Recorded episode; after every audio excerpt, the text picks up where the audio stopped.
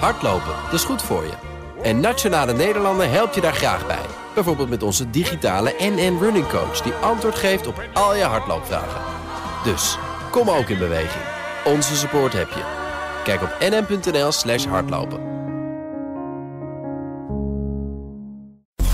BNR Beurs wordt mede mogelijk gemaakt door Bridge Fund. Make money smile. BNR Nieuwsradio. BNR Beurs. Wesley Weerts, Jelle Maasbach. De podcast voor de slimme belegger. Nou, we praten hier weer helemaal bij. Alles dat je moet weten als je belegt of ja, wil gaan beleggen. Op donderdag 9 eh, maart, op de dag dat het vooral ging over ASML. Het kabinet gaat de export van bepaalde chipmachines van ASML naar China aan banden leggen. En dat is volgens het kabinet nodig vanwege de internationale veiligheid. De Amerikanen drongen hier al langer op aan. Straks natuurlijk meer daarover. De AEX die weet het verlies uiteindelijk bijna helemaal in te lopen. Eindigt op 753 punten en een beetje. Dat is een fractie lager, maar ja, dat mag geen naam hebben. Grootste daler, Proces. Het aandeel sloot bijna 3% lager. En onze gast vandaag is Jim Theopoering van Eenvermogensbeheer. En dan uh, ga ik meteen beginnen met Credit Suisse, de probleembank uit Zwitserland. Ja, voor de fans die deze week ook zaten te luisteren, we hadden het al over de bank. Het is veel besproken. Ja, het is veel besproken. Toen was het uh, de grote aandeelhouder die eruit stapte na meer dan 20 jaar trouwe dienst. En nu is er een nieuwe tegenslag voor de bank, de zoveelste. Want ze publiceren het hele jaarverslag maar even niet. Uh, ze kregen een telefoontje van de SEC gisteravond, de Amerikaanse beurswaakhond. Ja, dat is niet echt één waar je een telefoontje. Nee, nee, nee. En de Amerikanen die belden ook omdat ze extra vragen hadden over eh, de boekhouding, over meerdere jaren zelfs. En daarom kan dat jaarverslag van 2022 er dus even niet uit. Die publicatie wordt eh, uitgesteld, heel pijnlijk en ook uitzonderlijk. Uh, Jim, ja, dat is geen goed teken, hè? Wat, wat zegt dit nou? Ja, het is een beetje waar rook is, is vuur. En er is al een heleboel rook uh, bij Credit Suisse. Dus we zitten een beetje in een neerwaartse spiraal. Dit kan nog wel bovenop. Uh, ja, beleggers hebben ook al tijden weinig vertrouwen meer in het aandeel. En als je dan inderdaad kritische vragen krijgt van zo'n Amerikaanse beurswaakhond over je rapportages, waar dus ja, dan he, is het niet zeker. Maar dan zou het kunnen zijn dat wat cijfers niet kloppen, misschien gesjoemeld is. Ja. En dat de problemen nog groter zijn dan ze al waren voor Credit Suisse. Nou, ik wil het ook hebben over het werken in loondienst. Ik doe het zelf niet, maar ik hoor ook altijd van mensen om me heen van ja, je moet niet in vaste dienst, je moet voor jezelf uh, beginnen. Dat levert je veel meer vrijheid op. Je kan er rijk door worden. nou hebben ze niet gekeken naar het salaris van Ben van Beurden. Die was in vaste dienst, de inmiddels ja. uh, oude topman uh, van Shell. En die heeft veel verdiend, denk ik. Die heeft zeker veel verdiend. De vrienden van RTL Z die hebben het uitgerekend. In totaal, in al die jaren dat hij er werkte, heeft hij meer dan 100 miljoen euro verdiend sinds 2014. Vorig jaar had hij helemaal een goed jaar. Toen kwam er meer dan 11 miljoen euro binnen. En vond ik ook wel grappig, hadden ze even uitgerekend uitgerekend. Iemand met een modaal jaarsalaris, hoe lang moet hij werken voor dat salaris? Valt mee 285 jaar. nou ja, over geld gesproken. De koopkracht die neemt eh, volgend jaar toe, gemiddeld met 2% Dat heeft het CPB dan weer berekend. En dat komt doordat eh, de lonen harder stijgen dan de prijzen. Maar tegelijkertijd komt het CPB ook met een waarschuwing. Mm -hmm. Want als het kabinet stopt met de steunmaatregelen, denk aan bijvoorbeeld de energietoeslag, ja, dan neemt de armoede in ons land toe. Hey Jim, naast aandelen, beleg jij nog uh, ergens anders in? Uh, je lacht erbij, dus je weet het antwoord al. Uh, ja, dus, kijk, dus een, stukje obligaties natuurlijk. Je moet denken aan je spreiding, een stukje edelmetalen en vastgoed. Ja, mooi. Ik vraag het omdat ik bij Bloomberg een onderzoek las van de Boston Consulting Group. En die hebben onderzoek gedaan naar beleggen in tweedehands horloges. Daar hoorde ik jou niet over. Gaat om klokjes van Rolex, uh, Patek Philippe ja. of uh, Audemars Piguet. Uh, van 2018 tot begin dit jaar werd een topmodel van elk van die drie luxe merken ieder jaar 20% meer waard. Is een beetje flauw vergelijken, maar ze hebben dat afgezet tegen de S&P 500. Die steeg dan slechts met 8%. Ja, ja, maar dan moet je er alleen niet in Amsterdam Oud-Zuid mee lopen. nee, maar ik dacht, ja, is wel een leuke manier van, van beleggen. Of, of geloof je daar niet zo in? Nou, als je het hebt over uh, spreiding, dan uh, zeker wel. Een ander voordeel wat veel mensen zullen, uh, zal aantrekken... is dat het ook buiten het zicht van de fiscus is. He, je hoeft niet vermogensrendementsbelasting direct te betalen. Je zou het misschien wel moeten aangeven. maar ja, je hebt natuurlijk ook er nog plezier van. Dus er is misschien wel op meer manieren rendement en wat voor te zeggen. Kijk, ik beleg niet in horloges. Ik heb dan een horloge. ik heb ja. er een paar, maar dat is omdat ik het gewoon handig vind. Ik vind ze er ook leuk uitzien. Precies. Maar uh, dan denk ik dat we ook even eerlijk moeten zijn. Want als je kijkt naar de prijsontwikkelingen van dit soort dure horloges van Patek Philippe. Die zijn de afgelopen nou, half jaar behoorlijk in waarde gedaald. De klap op de horlogemarkt is ook daar. Kijk, nou, mooi dat iemand ze toch gewoon heeft ingelezen. De ellende in de cryptowereld maakt een nieuw slachtoffer. Voor het eerst gaat een bank daardoor kopje onder. Of ook andere banken besmet raken, dat hoor je zo. Maar we beginnen natuurlijk met ASML. Het bedrijf mag nog minder machines verkopen aan China.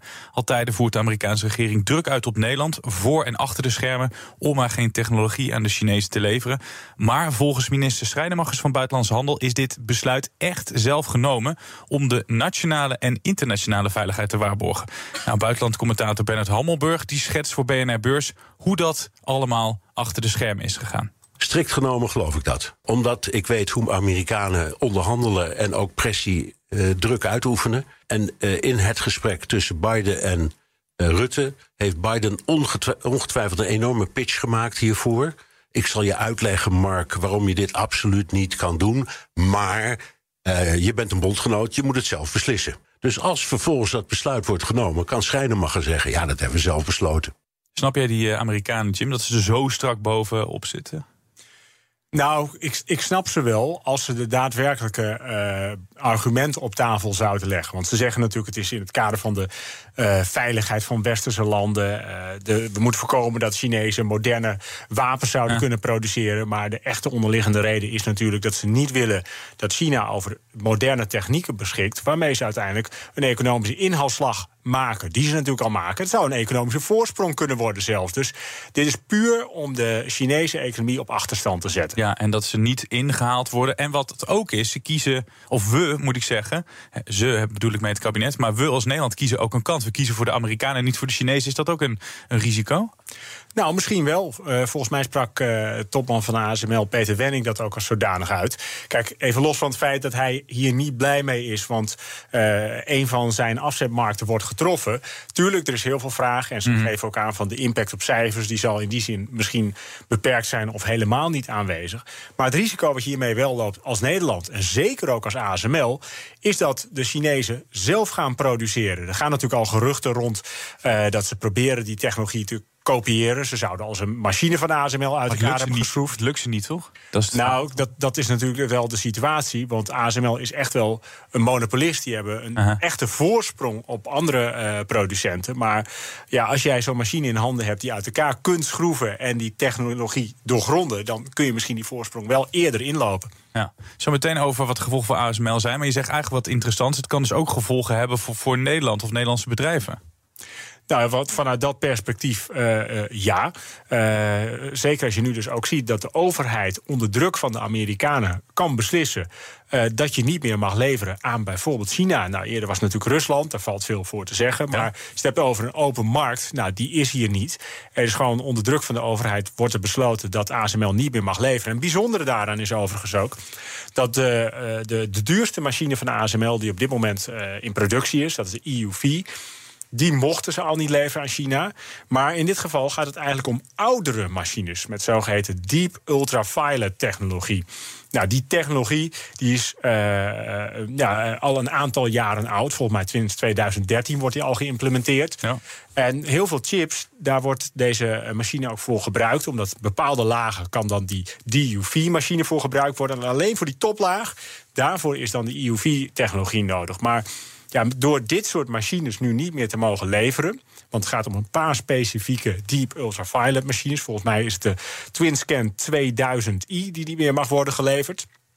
Um, daarmee ja, zijn ook hele simpele toepassingen voor huishoudelijke apparaten bijvoorbeeld. Uh, komen daarmee in het geding. Gaat wel wat ver dan als je het zo hoort. Ja, dat denk ik ook. Maar even dat punt, want op een gegeven moment weet ik nog wel... toen was echt uh, een strijd tussen Xi Jinping en, uh, en, en Trump. Zelfs tussen Trump en Europa. Het was op een gegeven moment ook heffingen op... wat was het, op wijn en zo. De, en, en op, de, ja. op Franse automakers. Ja, op alles wat je kon importeren. Kijk, iets verder dan op Hollandse stroopwafels. Maar gaan we zo ook meemaken dat China heffingen gaat, uh, extra heffingen gaat heffen op, op, op Hollandse exportwaar? Nou, dat is inderdaad wel een risico wat je hier neemt. Dat China ook komt met repercussies. Ja. Dan naar ASML. Uh, hoe lang kunnen ze zich nog verschuilen achter uh, het kabinet? Nou, ASML verschuilt zich in die zin niet echt achter het kabinet. Want die ligt eigenlijk overhoop, denk ik, met het kabinet. Want als je puur naar ASML als bedrijf kijkt... die willen heel graag juist die machines leveren. Het begon al met die EUV-machine die ze niet mogen leveren. Mm -hmm. Nu dus ook niet meer die deep ultraviolet machines. Um, ja, los van het feit dat er wel heel veel vraag is naar de machines van ASML en ze eh, de productie eigenlijk al niet kunnen bijbenen, krijg je nu wel de situatie dat ze een belangrijke afzetmarkt, volgens mij is het zo'n 15 Ja. wat er aan China wordt verkocht, ja, da- daar in afval een deel van gaan verliezen. Ze waren best wel optimistisch, want zelfs zeiden ze vandaag... het heeft niet echt veel financiële impact. Nee, ze zeiden ook, ja, het maakt niet zoveel uit waar Nee. die machines komen te staan. Of ze nou in China staan of elders. Precies. Dat, klopt wel een beetje. eh, Want eh, kijk, China kan natuurlijk ook die chips eh, in andere landen kopen. TSMC is een grote eh, eh, chipproducent. Dus die chips die komen er uiteindelijk wel. Wat je natuurlijk wel krijgt.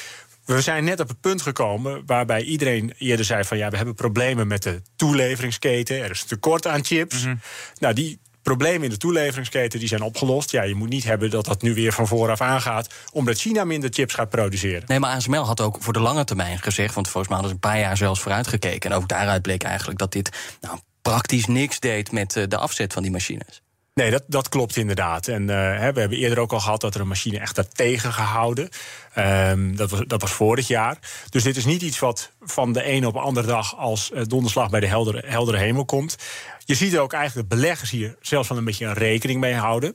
Ehm, de beurs die liep de afgelopen tijd op. Het aandeel ASML, dat was een procent of 7, 8 verloren. Wel na een heel goed herstel daarvoor overigens. Ehm, maar ja, vandaag zie je dezelfde reactie. Ik geloof dat het min 1% stond na opening... en op een gegeven moment plus 1%. Dus dit is niet iets wat voor beleggers als een hele grote verrassing komt. Daarop eh, aan, aanhakend, eh, wat betekent dit voor het aandeel, denk jij, voor de komende tijd? Nou, als je kijkt naar de eh, eh, omzetprognoses en de winstverwachtingen voor ASML. Ze hebben een tijdje terug de verwachtingen voor 2030, of eigenlijk de ambitie voor 2030 afgegeven. En ja, eh, vorige keren maakten die ruim voor de daadwerkelijke datum iedere keer weer waar. Voor 2015, 2020, 2025. Nou, die gaan ze volgend jaar al waarmaken. Dus ASML levert gewoon altijd. Het is overigens een aandeel waar we om die reden ook in beleggen. Het is een monopolist. Ze hebben eigenlijk world domination. Ja, dat wil je als aandeelhouder wel hebben. En ook ondanks die Chinese zorgen gaat het gewoon lekker door. Ja, BNR Beurs. Ja, dan Wall Street, net nog groene borden. De sfeer is een beetje omgeslagen, want de Dow Jones die staat nu lager op een min van 0,2 procent. Geldt ook voor de S&P 500. En ook de Nasdaq nu, ook 0,2 procent eh, lager. Ja, wel opvallend, want beleggers die konden reageren op de jobless claims... de aanvraag van uitkeringen. Nou, en dat eh, deden meer Amerikanen dan waarop er was gerekend. 211,000 is a pretty low number, but it is a significant change from the trend that we have been on, which was uh, week after week after week of numbers coming in below estimate. Ja, van de laatste 14 weken waren er 13 minder dan waarop was gerekend. En nu vragen dus meer Amerikanen een uitkering aan. Wat zegt dit cijfer, Jim? Ja, het is natuurlijk een, een, een cijfer wat elke week wordt gepubliceerd. En ik zou zeggen, het kan een beetje seizoenseffect zijn. Eh, op zich zegt het mij niet zoveel. Eh, want volgende week zou het weer kunnen zijn dat het eh, lager is en op 185 is. Wat alleen wel heel grappig is, is dat je eigenlijk een patroon ziet. Namelijk dat iedere keer als die cijfers meevallen. Eh, dat vinden beleggers heel vervelend. Want dat betekent dat de rente omhoog zou kunnen, dat de economie krachtig is. Nou, normaal ben je blij met een hele krachtige, sterke economie die groeit. Maar op dit moment vinden we het dus heel erg lekker als belegger dat er meer werkloosheidsaanvragen zijn, eh, uitkeringsaanvragen zijn eh, dan verwacht. Want ja, het gaat ronduit slecht, is dan even de interpretatie. En Ja. als het slecht gaat, dan hoeft die rente niet omhoog. Want dat is natuurlijk waar de vrees ligt. Meer renteverhoging door de Federal Reserve. Van de week hadden we nog een, eh, een, speech van, van Jerome Powell... waarbij hij ook aangaf van, nou ja, wij zullen verhogen als het moet. Dus toen waren beleggers angstig. En vandaag zijn ze een beetje blij, want er is slecht nieuws. Ja, maar tegelijkertijd zeg je, nou dat cijfer, mij zegt dat niet zoveel, mij doet het niet zoveel. Dus dat die markt daar dan op reageert, is dat een beetje overreactie, een beetje overdreven? Nou, de markt die moet ook reageren. Er moet ook een radioprogramma Tuurlijk, gemaakt ja, worden. hebben wij geen Ja, uitzending. we moeten gewoon nieuws hebben. Dus dat is voor heel veel mensen is dat heel erg fijn. Iemand die kort termijn handelt, die is daar blij mee. Wij kijken, proberen wat verder te kijken door de cyclus heen. En wij verwachten juist dat aan het eind van het jaar... die renteverhogingen echt voorbij zijn... en misschien wel weer verlagingen kunnen komen. BNR Beurs. De problemen in de cryptowereld die laten nu voor het eerst een reguliere bank omvallen. Na maanden van financiële problemen kiest het Amerikaanse Silvergate om te stoppen. De bank die redt het niet en heft zichzelf op. This is just another negative headline coming from the company. Uh, just last week, they delayed their annual report. They also, on Friday, they said that they were going to uh, discontinue Silvergate Exchange Network. And all of this comes when the company we know in Q4 posted a billion dollar loss after the collapse of F- FTX. We gaan proberen om zo duidelijk mogelijk uit te leggen wat er nou is gebeurd met eh, Silvergate. Een bedrijf dat bekend stond als cryptobank, terwijl het ooit begon als ja, kleine lokale spaarbank in Californië. Hoe heeft het zo uit kunnen groeien tot die spil in die uh, cryptowereld? Ja, dat is eigenlijk best wel een, een, bijzonder verhaal. Ik moet je eerlijk zeggen, het is niet zo dat bij Silvergate... dat ik dan meteen weet wat voor bedrijf het is. Want geen belletje rinkelen meteen. Nee, het is een heel, heel klein bankje eigenlijk. Hè. Je kunt vergelijken wat we in Nederland hebben. Dat uh, SNS tegenwoordig Volksbank of een verzekeraar zoals ASR. Mm -hmm. Ze hadden een marktwaarde van 5 miljard dollar. Uh, nou, daar is weinig meer van over. Dat uh, kan de luisteraar denk ik uit jouw inleiding wel opmaken. Ik geloof nu nog 100 miljoen.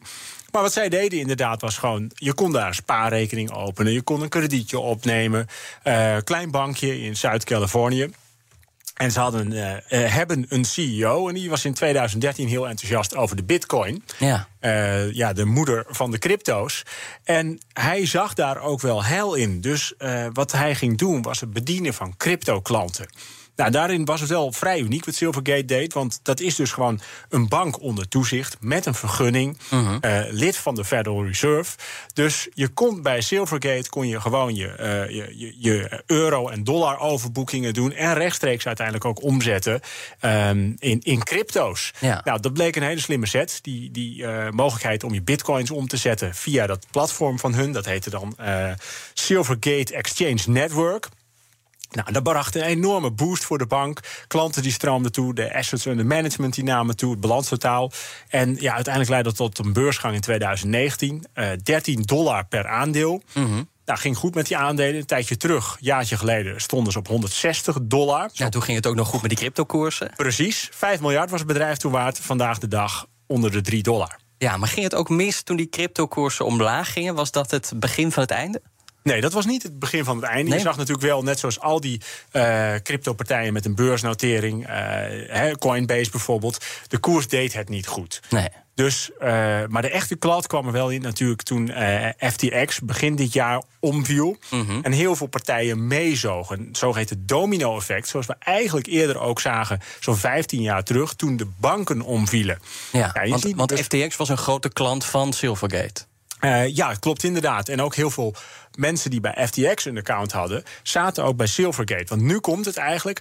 Wat ik denk wat Silvergate omver trekt, is het feit dat zij leningen verstrekten aan mensen die bijvoorbeeld bitcoins of andere crypto's bezaten. Ja. Dus die golden als onderpand. Net zoals je een huis kunt hebben en daar een hypotheek op kunt nemen, kon je dus bij Silvergate jouw crypto's als onderpand aanbieden en geld gaan lenen. Dus dan kreeg je leverage, zoals we dat noemen. Nou, zo begon ook natuurlijk de kredietcrisis. Ja. Uh, wat, wat is het probleem? Als jouw huis minder waard wordt dan je schuld... of in dit geval je crypto's, je bezit daalt... en je hebt toch schulden, ja, dan ontstaan de problemen. Nou, daarnaast had je dat FTX omviel. Dus mensen gingen ook nog eens hun geld weghalen... En zo kwam die hele bank in de problemen. Mensen gingen inderdaad weg. En om die weglopende klanten hun geld terug te kunnen geven, moest Silvergate veel bezittingen verkopen. Nou, dat ging tegen forse verliezen. Ja, werd toen al duidelijk dat die bank het niet zou overleven? Nou, niet zozeer Silvergate aan zich. Want dat uh, houden ze natuurlijk eerder heel lang onder de radar. Ja. Maar afgelopen week, toen waren er eigenlijk de eerste signalen... dat ze zeiden, we moeten het platform sluiten. Um, en ja, vandaag zeggen ze dus ineens van... ja, wij bieden onszelf aan als uh, failliete partij. Ja, wat, wat valt Silvergate te verwijten? Hebben ze te veel risico's genomen? Vind ik een uh, moeilijke. Uh, want het is niet zozeer Silvergate alleen... maar het is misschien wel binnen de hele industrie. En de hele crypto-industrie die is eigenlijk gebouwd op, het, uh, nou ja, op, op de overtuiging dat er geen regulering zou moeten zijn. -hmm. En juist het gebrek aan regulering maakt nu dat er partijen omvallen, dat er eindklanten zijn die hun geld gewoon helemaal kwijt zijn, zoals met FTX en waarschijnlijk nu ook met Silvergate. Dat is heel pijnlijk, maar juist het idealisme dat kost uiteindelijk dus ook ja, de, de eindbelegger zijn geld. Maar wat heel bijzonder is, is dat die problemen in de cryptosector nu dus ook reguliere banken raakt, of in ieder geval een reguliere bank. Kan dit ook eh, meer banken of financiële instellingen in die klassieke financiële sector eh, gaan besmetten of raken? Nou, uiteindelijk kan dat natuurlijk wel. Hè. Dat zag je ook bij Silvergate. Die hadden ook heel veel institutionele klanten, professionele klanten.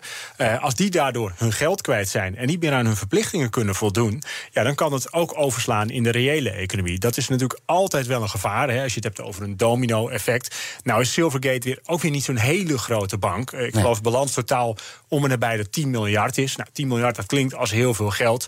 Ehm, maar ja, dat, dat staat op geen enkele manier in verhouding eh, tot wat er in de markt daadwerkelijk omgaat. Tot slot, want eh, Silvergate heeft nu dus gezegd: Nou, wij stoppen ermee, we sluiten de deuren. wel, ook wel moedig.